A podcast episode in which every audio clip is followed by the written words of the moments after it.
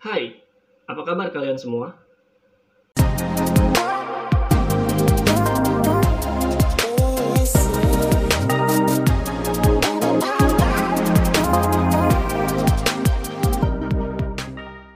Bertemu lagi sama gua di Salfikri.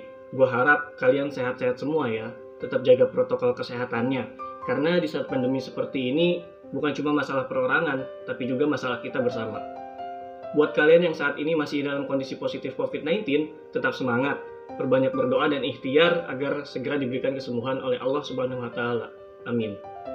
Oke, pada kesempatan kali ini gue mau coba bahas perihal waktu. Sebenarnya ini juga salah satu keresahan yang gue miliki sampai saat ini. Karena gue sendiri pun masih selalu dihantui oleh rasa tidak puasnya dengan waktu yang gue punya. Bahkan sampai suka ngerasa kalau 24 jam dalam sehari itu masih kurang banget buat gue. Dan yang bikin anehnya, ketidakpuasan gue itu mengacu kepada kurang baiknya gue memanfaatkan waktu yang gue punya. Padahal gue selalu tahu, waktu itu adalah salah satu hal yang tidak bisa diulang kembali. Gimana dengan kalian? Apakah kalian juga pernah merasakan hal yang sama seperti apa yang gue alami? Atau bahkan masih kalian alami sampai saat ini? So, sekarang adalah waktunya buat kita sama-sama introspeksi diri dan memperbaiki kesalahan kita agar kita bisa menjadi lebih baik lagi ke depannya dalam urusan memanfaatkan waktu. Kenapa gue sebut lebih baik dalam hal memanfaatkan waktu, bukan dalam hal mengatur waktu? Dari dulu, gue selalu punya prinsip begini. Sebenarnya yang sulit itu bukan mengatur waktu, tapi mengatur diri. Loh, kok mengatur diri? Buat gue, mengatur waktu itu adalah perkara yang mudah sebenarnya. Lu bisa aja bikin to-do list lu hari ini mau ngapain aja, mau ke mana aja, dan jam-jam berapa lu harus lakuin itu semua. Ya kan? Nah, yang jadi masalah setelah kita membuat schedule tersebut, apakah diri kita ini mau atau bahkan menyanggupinya untuk melakukan semua kegiatan yang kita udah susun secara on time? Kenapa gue bilang begitu? Karena gue sendiri mengalaminya. Seringnya ada aja alasan buat menunda melakukan hal yang harus dilakukan. Bahkan gak jarang, sampai gak dilakuin sama sekali. Nah, itu balik lagi ke diri kita masing-masing sebenarnya. Contoh sederhananya, katakanlah bangun tidur di pagi hari Mungkin malam harinya kita sudah planning mau bangun jam berapa besok.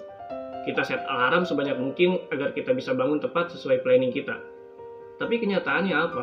Di saat keesokan harinya alarm sudah berbunyi dan kita terbangun, kita langsung sigap matiin alarm tersebut, terus mermin mata lagi deh sambil ngomong, bentar lagi, 5 menit lagi. Ya walaupun itu nggak melulu terjadi pada semua kegiatan yang kita punya, karena ada beberapa kegiatan yang mungkin akan seperti autopilot untuk dilakukan, apalagi ketika kita sudah membiasakan kegiatan tersebut. Nah, itu salah satu kunci untuk mengatur diri, kebiasaan.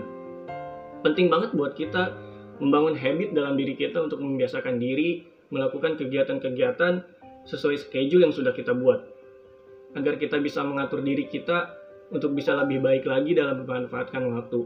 Tapi kan itu nggak gampang. Iya, buat lo yang cuma berpikir itu sulit. Kalau lo mau berusaha, semuanya pasti bisa. Terus harus gimana?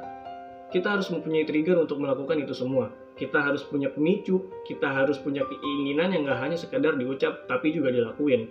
Kita harus setting otak kita agar mau bergerak dan bertindak. Dari situ, kita mulai merasa tertantang untuk segera action. Kita juga bisa men-challenge diri kita untuk konsisten melakukan hal tersebut, sehingga nanti muncullah sebuah kebiasaan. Dan buatlah komitmen pada diri kalian sendiri untuk bisa melakukan perubahan pada diri kalian sendiri. Karena kalau nggak begitu, mau sampai kapan kita terus-menerus membuang waktu kita dengan kata sia-sia? Mau sampai kapan kita ngerasa nggak puas dengan waktu yang kita punya? Yang padahal kita tuh punya banyak banget waktu kalau kita bisa memanfaatkannya dengan baik. Gimana? Udah siap mengatur diri? Mulai sekarang, nggak ada lagi ya menunda-nunda buat schedule dan atur diri kalian. Semangat, dan semoga bermanfaat. Oh iya, ketika gue buat video tentang edukasi, bukan berarti gue sok pinter atau menggurui ya. Justru ini juga bisa menjadi reminder gue ke depannya untuk lebih baik lagi. Terima kasih.